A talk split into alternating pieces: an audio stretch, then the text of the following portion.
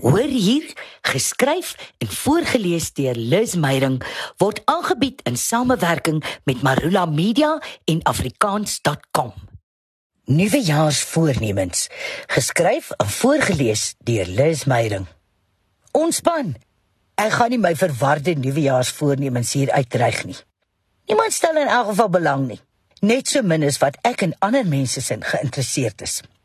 Nou wonder ek, het die groot geeste deur die eeue ook sulke klein burgerlike dinge gedoen soos nuwejaarsvoornemens maak. En as hulle het, wat was dit? En sou die geskiedenis heel anders gewees het as hulle daarbey gehou het? Het Einstein dalk elke 1 Januarie beplan om 'n haarsny te kry? En het sy briljante gedagtes dan jaar na jaar afgedwaal en in 'n een of ander hoogs wetenskaplike teorie vasgesteek? En Michelangelo? Het hy een nuwe jaar nie dalk heimlik besluit om die hele koepel van die Sistynse kapel net vol wolke te verf nie? En daarmee basta.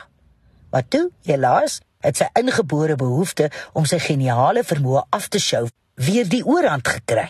Wat van Jan van Riebeeck? Sien nou net hy en Maria het op 1 Januarie op die dobberende skip wakker geword en besluit: "Nu ben ons moe vir dese onstuimigheid in die eindelose water." Dan het hulle met skeerbyt matrose en al op Mauritius aan wal gegaan en 'n vakansieoor daar begin. Het Shakespeare moontlik op die dag besluit om from henceforth on to forswear the folly of playwriting en liewes vir hom 'n dansende beer of 'n een oog dwerg aangeskaf en daarmee sy brood in die vermaaklikheidsbedryf verdien. Het Hitler ooit met die hoop en belofte van 'n kalender se nuwe begin een oomblik aan die vyand as mense gedink. Sê nou net Stan Laurel of Oliver Hardy se voorneme was om nooit ooit weer snaaks te probeer wees nie. Die Spaanse argitek Gaudi moes met elke nuwe jaar meer en meer besef het sy meesterwerk, die Sagrada Familia, die heilige familie, die kerk in Barcelona, gaan nooit in sy lewensyd voltooi word nie.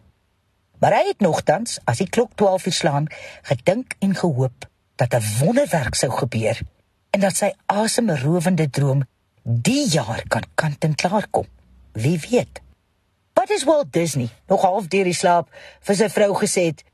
This year I'm going to get me a proper job and stop messing around with mice. en nou Henry Ford wat soveel hofsaake moes verduur om sy motors gepatenteer te kry. Dink net wat sou gebeur het as hy besluit het, enough stress, let them ride bicycles.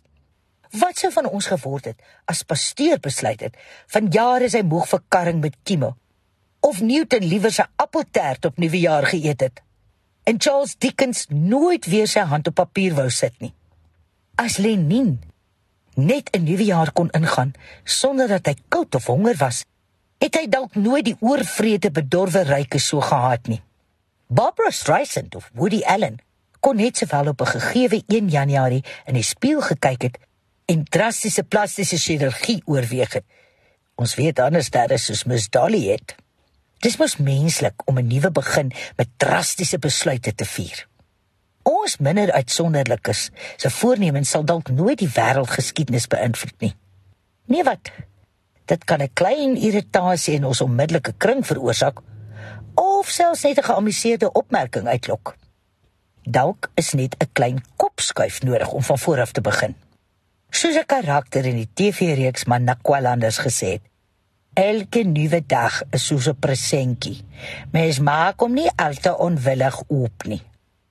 En ek is gek daaroor om geskenke oop te maak. Is jy op soek na gratis aflaaibare leerhulpmiddels vir jou klaskamer of kind?